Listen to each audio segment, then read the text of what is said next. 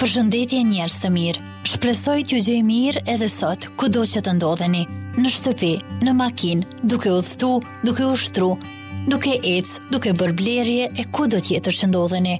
Edhe këtë herë kemi një temë interesante për me prezantu e me fol bashkë. Ka të bëjë me diçka që neve, secilit, na duhet në çdo ditë të jetës sonë, në çkado që bëjmë. Sepse po s'e patëm atë, vështirë të funksionojmë. E çka është kjo, do thoni ju, është motivi. Po pra të jemi të motivuar për çdo veprim që e bëjmë, ose me të cilin përballemi. Por çfarë është motivi apo motivimi? Sigurisht që ne do përdorim edhe shpjegime shkencore dhe shpjegime të psikologëve për temat për cilat flasim. E motivimi shpjegohet kështu, si një forcë shtytëse. Për me arrit ndonjë gjë, keni nevojë për një forcë shtytëse. Përndryshe, asgjë nuk ndodh. Një dëshirë nuk është mjaft e fortë për t'ju bërë të veproni në një gjë. Vetëm një dëshirë e fortë mund t'ju shtyjë përpara. të veproni dhe të përmbushni qëllimet. Një mënyrë për të qenë të motivuar, ju duhet të dini saktësisht se çfarë është ajo që ju e dëshironi. Qëllimi juaj duhet të jetë i qartë dhe i mprehtë, dhe duhet të kuptoni dhe të bëheni të vetëdijshëm për përfitimet që ju sjell ai veprim që do të ndërmerrni. Duke menduar shpesh për qëllimin tuaj dhe duke pranuar idenë se si mund të realizohet, do të rrisë motivimin tuaj dhe do të forcojë dëshirën tuaj për me arrit atë. Pra atë gjë të cilën ju e dëshironi. Në vazhdim, do të sjellim disa këshilla ndihmuese për me rrit vetëmotivimin dhe efikasitetin profesional. këshilla të cilat uroj dhe shpresoj dhe besoj që do t'ju shërbejnë në ditët tuaja në përditshmërinë tuaj në realizimin e objektivave, marrjen e vendimeve, apo çkado tjetër. Do nisim me pranimin e realitetit dhe të të tjerëve, pra ashtu siç janë. Vetëmotivimi fillon duke pas pritshmëri realiste dhe të përshtatshme për punën dhe të tjerët rreth jush. Ndërkohë që kërkoni medoemos që dëshirat tuaja të përkëdhelen, themi kështu nga rrethanat, Pranojini ato ashtu siç janë dhe nga ajo pikë, filloni të gjeni hapësirën për çka, për përmirësim pra. E dyta është që të njihni veten tuaj dhe të pranoni që keni pika të forta, po ashtu edhe të dobëta. Nganjëherë ne mendojmë se të bëjmë një gabim është e patolerueshme tek një profesionist i mirë, Por, nëse nuk biem në dakordësi me mangësitë tona, pra nuk i pranojmë mangësitë tona, mund të përfundojmë drejt frustrimit dhe të humbasim shanset për t'u përmirësuar. Të jesh i vetëdijshëm për pikat tua të dobëta dhe të forta, të lejon të jesh më efektiv dhe të shpëton në të njëjtën kohë nga një spirale e gjatë vetëbesimi të ulët. Kjo pra e dyta këshillë. E treta është të mos ankoheni, Kur diçka e keqe ndodh, një gabim apo departamenti juaj dështon nëse jeni në funksione menaxheriale, mos filloni të ankoheni duke ia vënë fajin të tjerëve. Kjo është e kotë dhe humbje kohe realisht. Fokusohuni të gjeni zgjidhje, zgjidhje për të minimalizuar efektet negative të asaj që ka ndodhur. Pra, ke dy mundësi, të ankohesh ose të përballosh situatën. Zgjidh ti cilën do ta bësh dhe është ajo zgjedhja jotja që do të ndikojë edhe më tutje në fushëveprimtarinë tënde. Vlerëso çfarë ke dhe bëhu mirënjohës është një këshillë tjetër. Duhet t'i kushtoni më shumë vëmendje asaj çfarë keni arritur sesa asaj çfarë doni të arrini. Të fokusoheni dhe te ato gjëra të cilat i keni arritur deri tash, jo vetëm te ato goals, ndoshta që po i quajmë kështu tash me terminologjinë më moderne që i keni para vetes. Në këtë mënyrë ju mbroni veten nga dëmi psikologjik që shkakton vlerësimi i gjërave të cilat nuk i keni arritur, Kjo sepse ndonjëherë ato të cilat i shohim apo i synojmë dinë të jenë më larg se ç'mund të presim ne, dinë të jenë më të vështira për t'u arritur dhe kështu kjo mund të ketë dëmtime serioze psikologjike tek ne. Që t'i evitojmë këto, të fokusohemi dhe të vlerësojmë tek ajo çfarë kemi arritur deri në atë moment të caktuar. Vazhdoni objektiva të realizueshëm dhe vendosni objektiva të realizueshëm. Sipas teorisë së vendosjes së objektivave nga Edwin Locke, ne jemi të motivuar kur perceptojmë se objektivat tona janë të realizueshme pas disa përpjekjeve të konsiderueshme. Prandaj, mundohuni që të vendosni objektiva apo synime të cilat janë më lehtë të realizueshme dhe kjo është një forcë dhe një mënyrë se si mund të gjejmë motivimin për të bërë gjëra të tjera. Një këshillë tjetër është që të jeni proaktiv. Çfarë është kjo? Kur ne marrim aksione decisive në punë, sesa të rrimë pas si spektator, ne marrim më shumë përgjegjësi mbi vete dhe ndihemi më të motivuar. Me pak fjalë, shprehni idetë tuaja dhe angazhohuni. Mos presni gjithmonë që të jetë dikush ai ose ajo që t'ju shtyjë juve të jepni idetë tuaja të punoni apo të angazhoheni. Mundohuni që të jeni ju ai që jepni idetë dhe e angazhoni veten. Këshilla tjetër është të rritni shpresa dhe të mbani përgjegjësi. Edhe përmes kësaj ju mund të gjeni vetëmotivim apo mund ta motivoni vetë veten.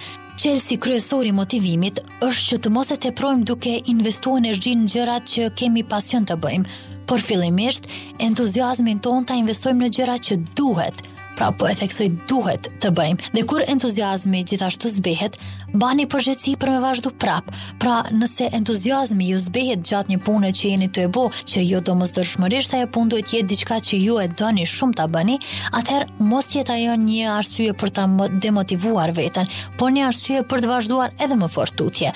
Dhe këshilla tjetër është që të bëheni këmbgulës. Kur ne përballemi me pengesa në karrierën tonë, Tendenca është që ta mbushim veten me negativitet, duke u dekurajuar në këtë mënyrë dhe në këtë mënyrë ulim shanset për të arritur objektivat tona, ato objektiva të cilat i përmenda më herët. Vetëm duke qenë të vendosur dhe me këmbgulje, mund t'i tejkalojmë këto kohë të vështira dhe të rigjejmë motivimin. Ishin këto disa këshilla ndihmuese për me rrit vetëmotivimin. Pra, pranoni realitetin dhe të tjerët ashtu siç janë. Njiheni veten tuaj dhe pranoni që keni pika të forta, por edhe pika të dobëta. Mos u ankoni. Vlerëso çfarë ke dhe bëhu mirënjohës. Vendosni objektiva që janë të realizueshme, të jeni proaktiv, të rritni shpresa dhe të mbani përgjegjësi dhe të bëheni këmbëngulës. Mirëpo, nuk nevojitet vetëm motivimi, ai për të arritur qëllimet. Çka nevojitet tjetër, për me arrit te qëllimet përveç motivimit. Kur vendosim synime të reja, zakonisht jemi të mbushur me motivim. Tash, po flasim për pjesën kur veç se e kemi arrit motivimin.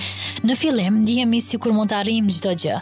Ne nuk kemi frikë të shohim ëndrra të mëdha dhe të besojmë në ëndrrat tona.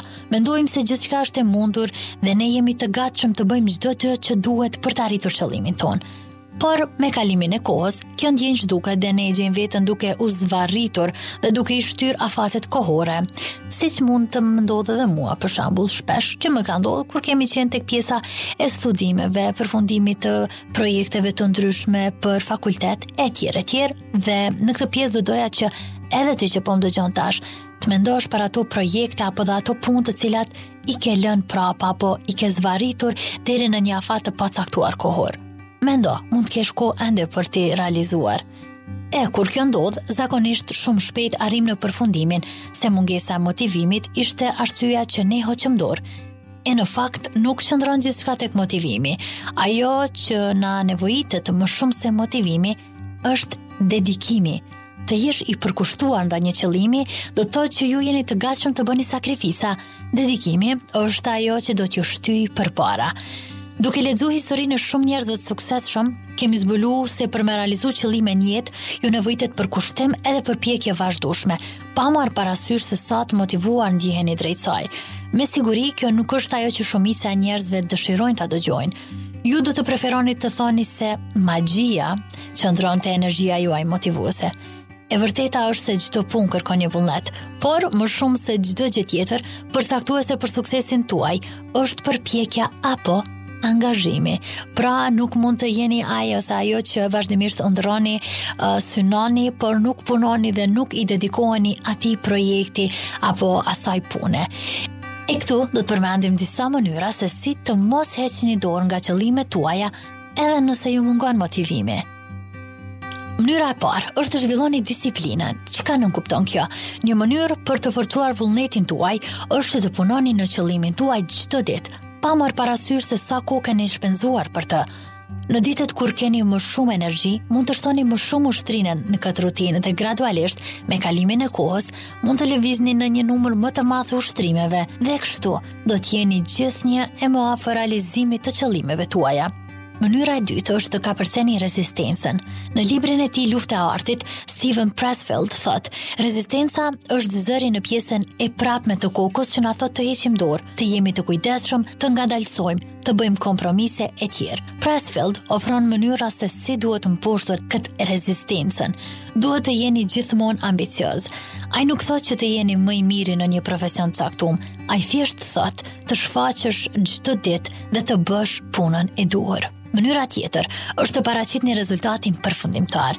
Kjo ide duket e thjeshtë, por shumica e njerëzve i vendosin qëllimet dhe harrojnë të përqendrohen në rezultatin përfundimtar. Bëni pikturimin e rezultatit përfundimtar në kokën tuaj.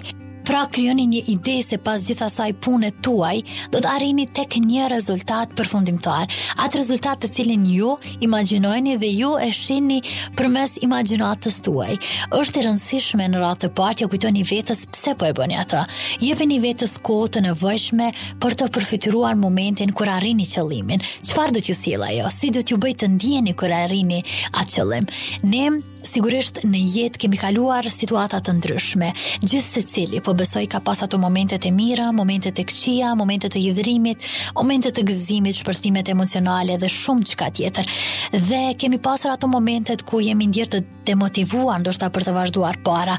Dhe frika nga puna e tepërt, frika nga suksesi që nuk është i garantuar e tjerë e tjerë na kanë bërë që shpesh herë me qëndru aty, me u step e ndoshta ndoshta me shku edhe hapa më prapa, pra jo drejt qëllimit, por të shkojmë prapa realizimit të ideve, të qëllimeve, synimeve që i kemi. Kjo sigurisht që ka penalizuar shumëkënd nga realizimi i projekteve të mëdha jetësore. Prandaj, gjithmonë kur niseni në realizimin e një pune, në realizimin e një projekti, shikoni para. Pra, motivimi është një nga elementet e nevojshme për me arrit qëllimet tuaja. Kjo është arsyeja pse ata që janë të përkushtuar dhe marrin një nxitje nga motivimi, përfundimisht arrijnë të bëjnë ëndrrat e tyre realitet. Ne do të ndalemi tash te disa forma se si mund ta gjejmë motivin në përditshmërinë tonë. Për shembull, neve na duhet motiv për t'u zgjuar herët, neve na duhet motiv për punë, na duhet motiv për shkollë, na duhet motiv për jetën, na duhet motiv për të dalë, për të vrapuar, për të bërë ushtrime, e shumëçka tjetër që lidhet me aktivitetet tona të përditshme. Por do doja që të ndalem edhe ta nisim me gjetja e motivimit, pra me gjetjen e motivimit, tek ajo se si mund të arrijmë të zgjohemi herët në mëngjes. Do të përmendim disa këshila, disa forma se si mund të jeni të motivuar për t'u zgjuar në mëngjes. Nga studimet e kryera kanë rezultuar disa strategji kreative që ju të mësoni se si ta bëni një zakon tuajin pikërisht të zgjuarit herët në mëngjes. Dhe ja cilat janë disa prej këtyre mënyrave. Keni dikë që ju pret për t'u takuar? Nëse e vetmja gjë që ju keni planifikuar për mëngjes është takimi me një person në zyrë dhe asnjë aktivitet tjetër, atëherë nuk është çudi që të mos gjeni motivin për me u ngrit nga shtrati. Kjo është arsyeja pse studiuesit thonë që ju duhet të ndjeheni të ngazëllyer për diçka që duhet ta bëni pikërisht në mëngjes. Pra gjithçka ka të bëjë me mendimin dhe nëse ju mendoni se personi që ju pret është shumë i rëndësishëm dhe takimi po ashtu, ju do të jeni të gatshëm për ta takuar atë herët në mëngjes. Nëse ju nuk jeni, atëherë gjeni pikërisht opsionin e të fjeturit. dhe të qëndruarit më gjatë në shtrat. Studiuesit mendojnë që e mira është që njerëzit në darkë të rendisin disa nga gjërat kryesore që duhet të bëjnë gjatë ditës së nesërme. Nëse këtyre i vihet edhe një afat i caktuar, atëherë do të rritet edhe motivimi për me përfundu dhe për me u zgju ma shpejt. E dyta, vendosni një alarm gjumi. Shumica prej neve dimë se pushimi i mirë në një natë është edhe çelësi pse ne zgjohemi lehtësisht në mëngjes. Por, Pak prej nesh e kanë privilegjin për të zbatuar këtë rregull të fjetjes së mjaftueshme, me një orar të caktum që ju mëngjesin e ardhshëm të ngriheni herët dhe pa problem. Për të zgjidhur këtë problem, ju duhet të vendosni alarmin e zgjimit në mëngjes dhe jo vetëm një, por disa, në mënyrë që ju të keni mundësi që të zgjoheni në kohën e duhur. Kështu po besoj bëjmë edhe shumica prej neve që arrijmë me bo jo vetëm një alarm, po disa alarma në 5 minuta hapësirë kohore ose ndoshta edhe më shkurt që të arrijmë të zgjohemi fiks në kohën cilën duham të zgjohemi. Ky alarm do t'ju ndihmojë juve që të kapni ritmin e duhur të ditës suaj dhe në një farë mënyre do t'ju detyrojë që të zgjoheni në kohën e duhur. E rëndësishme është që është shumë e rëndësishme që të mos shtypni butonin shtyje apo snooze sapo që të bie alarmi i parë. alarmet e dyta, treta dhe të tjera t'i keni kështu sa për siguri të mm, aranzhuara, mirëpo të zgjoheni me alarmin e parë që e caktoni. Këshilla e tretë është të pini një gotë me ujë para se të flini. Disa studiues rekomandojnë pirjen e një gote me ujë para se të shkoni për të fjetur. në mënyrë të tillë që trupi juaj të ketë mundësi që të çlirojë të gjitha toksinat e futura gjatë ditës. Ata kanë vërtetuar se pirja e një gote me ujë para fjetjes është një mënyrë ideale për me u zgju herët, sepse trupi juaj do të jetë më i relaksuar edhe më i freskët për me nis ditën. Këtë gjë mund edhe ta eksperimentoni vetë, duke vënë në provë edhe aftësitë tuaja, por edhe trupin tuaj se sa është i aftë ai për të realizuar çdo gjë. Pastaj këshilla tjetër është të filloni dhe të bëni rutinë të fjeturin në orarin e duhur. Hulumtuesit e kohëve të fundit kanë identifikuar një sjellje të quajtur zvarritje e gjumit. Në thelb kjo do të thotë që njerëzit ndonjëherë e shtyjnë vetë orarin e të fjeturit, kur nuk është asnjë gjë për të bërë, pra nuk kanë asgjë për të bërë, por thjesht e shtyjnë. Një mënyrë e mundshme për me mposht këtë gjë është mësimi i orarit të gjumit dhe bërja e këtij orari një rutinë të përditshme. Në këtë mënyrë ju do të keni edhe aftësitë e duhura për me u zgju herët në mëngjes. Këshilla tjetër është të mos flini më shumë nga ç'është e nevojshme ose normale. Hulumtuesit tregojnë dhe të kundërtën që nëse flini më shumë se ç'duhet, do të ndjeheni i përgjumur. Kjo për shkak se çdo ndryshim në modelet normale të gjumit tuaj mund të ndryshojë edhe qetësinë e brendshme. Këshilla tjetër është që të regjistroheni për një aktivitet herët në mëngjes, pra të planifikoni një aktivitet herët, i cili do të jetë motivi juaj për zgjim të hershëm. Dhe këshilla e fundit është të merrni nën përgjegjësinë tuaj për me zgju dikënd. Kjo ndoshta pak më simpatike prej këtyre këshillave. Është një sugjerim ideal sepse në këtë mënyrë ju nuk duhet vetëm që të zgjoheni herët për veten tuaj, por edhe për dikënd. Ndoshta kjo mund të ndodhë me personin e zemrës apo me ndonjë person që ju e keni shumë të afërt, edhe i thoni, "Ma le mua në dorë zgjimin tënd herët në mëngjes sepse do ta kem unë në përgjegjësi." Kjo sigurisht ndikon që edhe ju të jeni më të motivuar për zgjim të hershëm. Pastaj motivimi lidhet edhe me nxënësit në shkolla. si t'i motivojmë nxënësit për të shkuar në shkollë, si t'i motivojmë të rinjtë për të shkuar në shkollë. Sigurisht është një skenar shumë i rëndësishëm prind, mësimdhënës dhe fëmijë ky. Dhe sugjerimet janë të ndryshme, po kritikja apo më e rëndësishmja qëndron tek ky trekëndësh mësimdhënës, nxënës dhe prind. Komunikimi në trekëndësh duhet të jetë i hapur dhe dinamik. Mjetet dhe kanalet moderne të komunikimit duhet të jenë të realizuara që në takimin e parë me mësuesin. Pastaj Për t'i mbajtur fëmijët e motivuar për të shkuar në shkollë, sigurisht duhet edhe angazhimi i prindërve në procesin e mësimdhënies.